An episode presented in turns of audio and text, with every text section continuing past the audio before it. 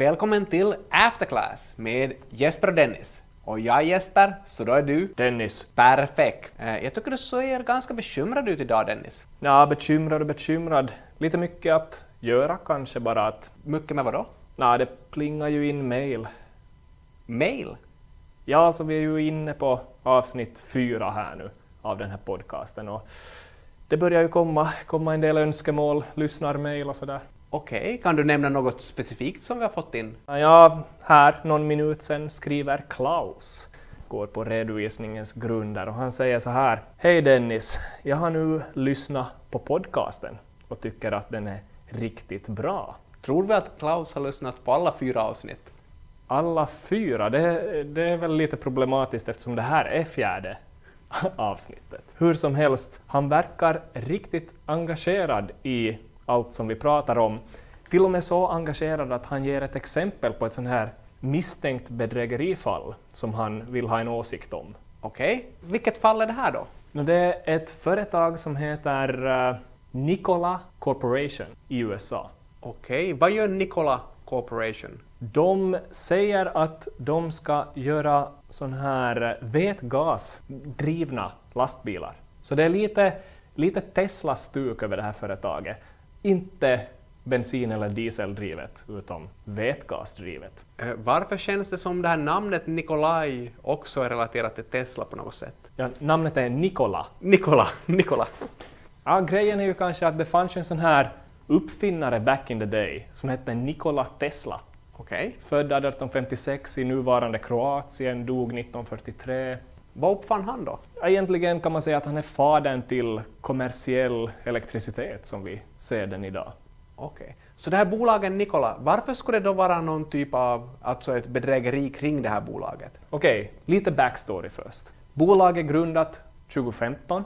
De hade en liten sån här intressant börslistning. Man gick ihop med ett annat företag som redan var listat på börsen. Det här andra bolaget hette Vector IQ. Så det här är en så kallad backdoor listing, alltså på samma sätt som Wirecard en gång i tiden kom in på börsen. Helt klart. Och lite varningsklockor redan där. Vad man brukar ofta undra, okej vad har bolaget då för VD i det här fallet? VDn heter Trevor Milton. Okej. Trevor Milton. Och det är lite som att man brukar säga så här, never trust a guy with two first names. Har du hört det? Jag har inte hört det tidigare, men, men Dennis Sundqvik är en person man kan lita på. Det där är ju två olika namn i alla fall. Nåja, hur som helst, den här Trevor Milton, han har lite skelett i garderoben. Någon konkurs. Han har väl lite varit för överoptimistisk om hur hans tidigare bolag har gått och sådär, fast de i själva verket inte har gått särskilt bra. Lite sådana här sexanklagelser av någon släkting och sådär. Så att lite sådana saker. Så han har alltså några skelett i garderoben. Men hur är det med det här företaget då? Är det som att, har de lyckats producera några vetelastbilar? vätgasdrivna lastbilar.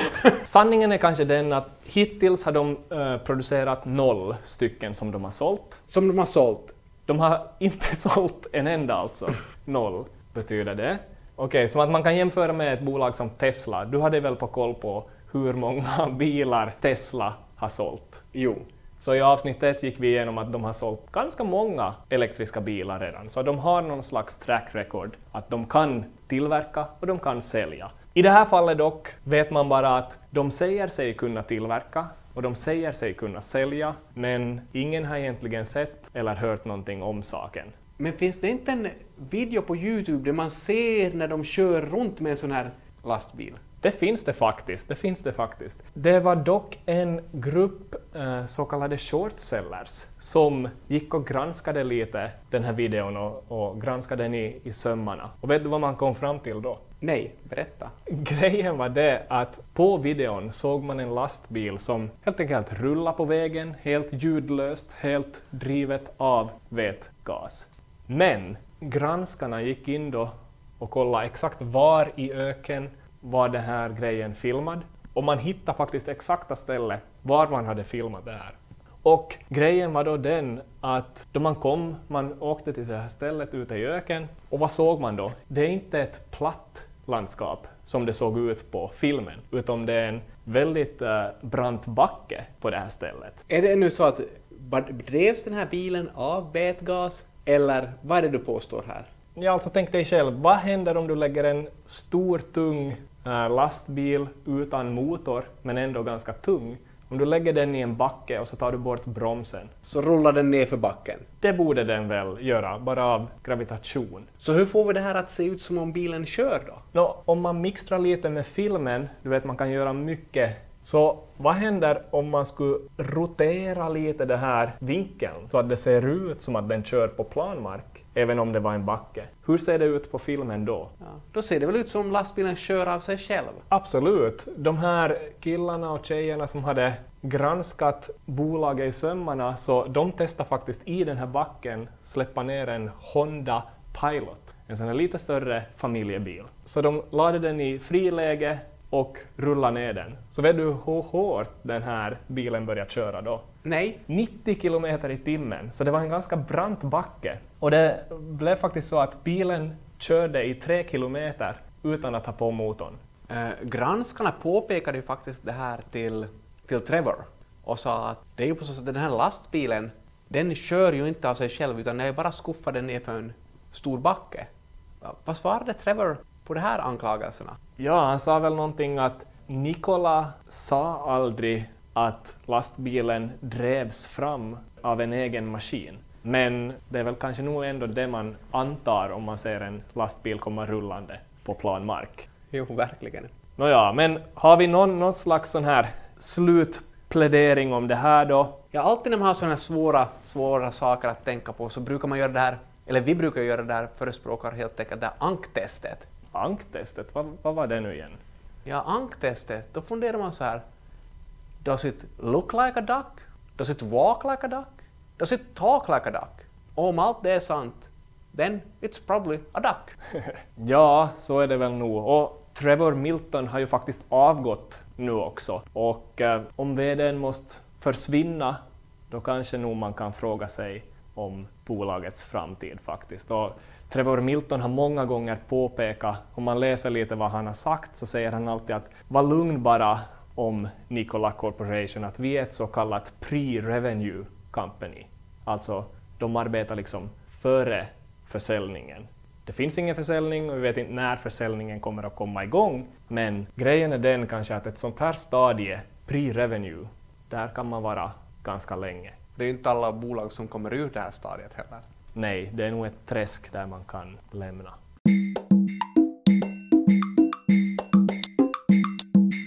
Då man har sån här bolagscase som man är lite osäker på, så ett sätt att få ett, en snabb överblick är ju att räkna olika nyckeltal för de här bolagen, för att till exempel evaluera lönsamheten. Ja, och vad jag har gjort här nu är att jag har tittat lite på olika nyckeltal för finska börslistade bolag och specifikt då tittat på avkastning på totalkapital och avkastning på eget kapital. Okej, så du tar alltså vinsten och dividerar med någon typ av kapital här? Exakt. Och om vi till exempel tittar på vilka företag som ser ut att ha väldigt höga avkastningar på totalkapital, så då hittar vi företag som Admicom och Orion. Admicom hade ett ROA, som man ibland kallar det, på 26 procent, Orion på 19 procent. Det här var 2019? Det här är 2019.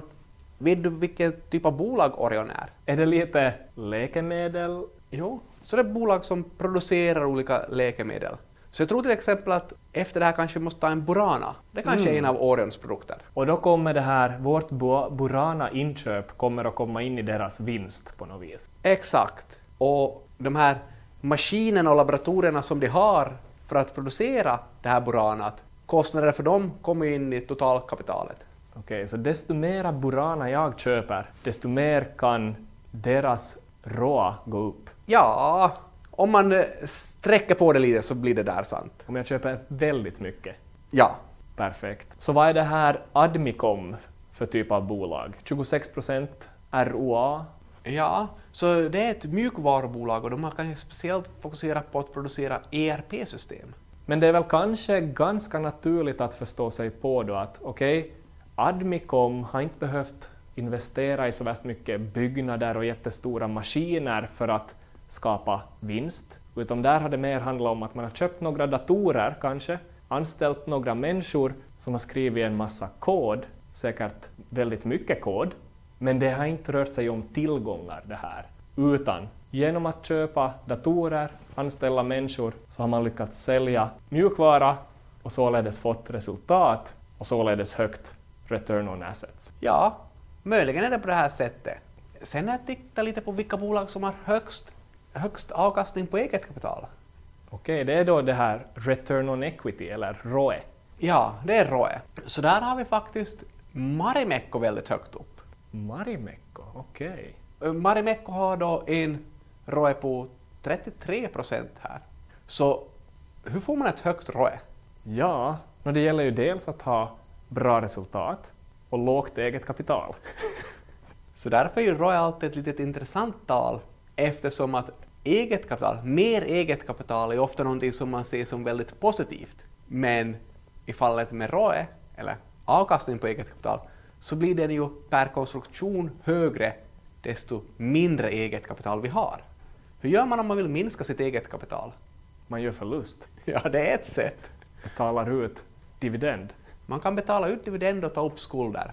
Så oftast om man ökar skuldsättningsgraden så kan man också få upp avkastningen på eget kapital. Det är ju ganska intressant. Men nu ska vi ta hissen upp till Finlands finrum och titta lite på Kone. Så Kone hade en avkastning på totalkapital på 10 procent och en avkastning på eget kapital på 30 procent. Ganska högt. Ja, väldigt högt. Och nu ska vi komma ihåg, Kone är förmodligen ett av Finlands finaste börsbolag. Men jag förstår att du har hittat några ännu finare bolag. Ja, ganska lönsamma bolag hittade jag faktiskt då jag sökte och eh, på sättet jag hittade de här bolagen var det att jag satt hemma i helgen och så knackade på dörren och bakom dörren stod ett par knattar och de visade en katalog åt mig och sa att de säljer olika typer av kakor. Så jag öppnade katalogen och där såg jag då att man man fick välja på pappas punschbollar, farfars favoriter mm. och farmors chokladkex. Sådana saker fick man välja på. Så det var ett företag som heter Kakku Tukku Oy, eller Kakgrossisten. Det är originellt ett, ett svenskt bolag. Vad, vad är alltså de här företagens företagsidé? Så de säljer de här chokladbollarna, men varför är det små knattar som kommer och knackar på din dörr? Det är väl för att barn säljer. Alltså de använder sig i princip av barnarbetskraft för att få sålt mera till ett högre pris än i butiken. Så vad kostar de här kakorna om, de kö, om, om, om du köper dem från barnet jämfört med om du köper dem, dem från butiken? Lite så här exempel bara, har vi någon aning? Alltså de kostar typ 50 procent mera om jag köper dem från barnen. De finns ju, märk väl, inte att köpa i butiken, men eh, det finns ju alternativ. Så 50 procent dyrare om jag köper från barnen och grejen är ju att man kan ju inte säga nej. Nej. Så jag köpte hela rubbet och vet du vad Kakkutukku Oys ROE-tal ligger på? Ingen aning. När jag kollade upp deras bokslut och det stod 70 procent. Alltså, med hjälp av barnarbetskraft kan man alltså uppnå ganska höga lönsamhetsnivåer. Jag har ett annat exempel också, Sukka Tukku Oy. Vad är det här för typ av bolag då? Eh, De säljer olika former av strumpor. Okej. Men samma modell, man har kanske anlitat ett fotbollslag att sälja de här strumporna åt en. Det handlar om juniorer som säljer för dyra pengar. Lägger på lite marginal och säljer. Vet du vad deras ROE-tal var? Nej. 76,29. Ganska sjuka saker. Så det verkar som det här är en ganska lönsam affärsmodell.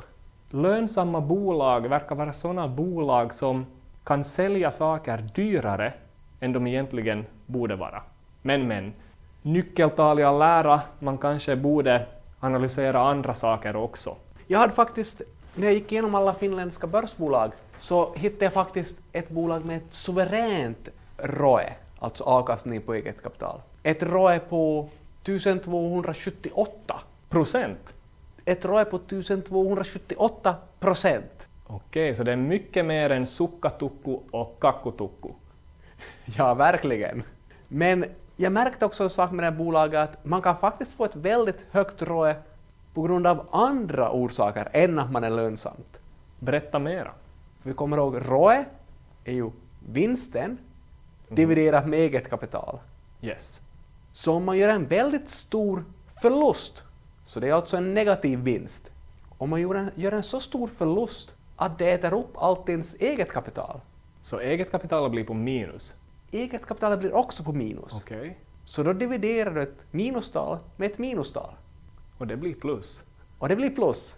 Så det här 12 000 procent, 1278 procent. ja det här 1200 procent, det är inte sanningen då eller? Nu är det ju sanningen. Men ska vi tro på det? Ja, det, hur ska man säga? Det är ju korrekt räknat. Okej, så jag borde investera alla mina pengar i Nurminen Logistics. Eller så borde du inte lita på avkastning på eget kapital. Så en lärpeng från dagens avsnitt skulle alltså vara Att minus och minus kan faktiskt bli plus. och lita aldrig på en människa med två förnamn. Låter bra. Vi kör vidare nästa vecka med nya insikter i After Class.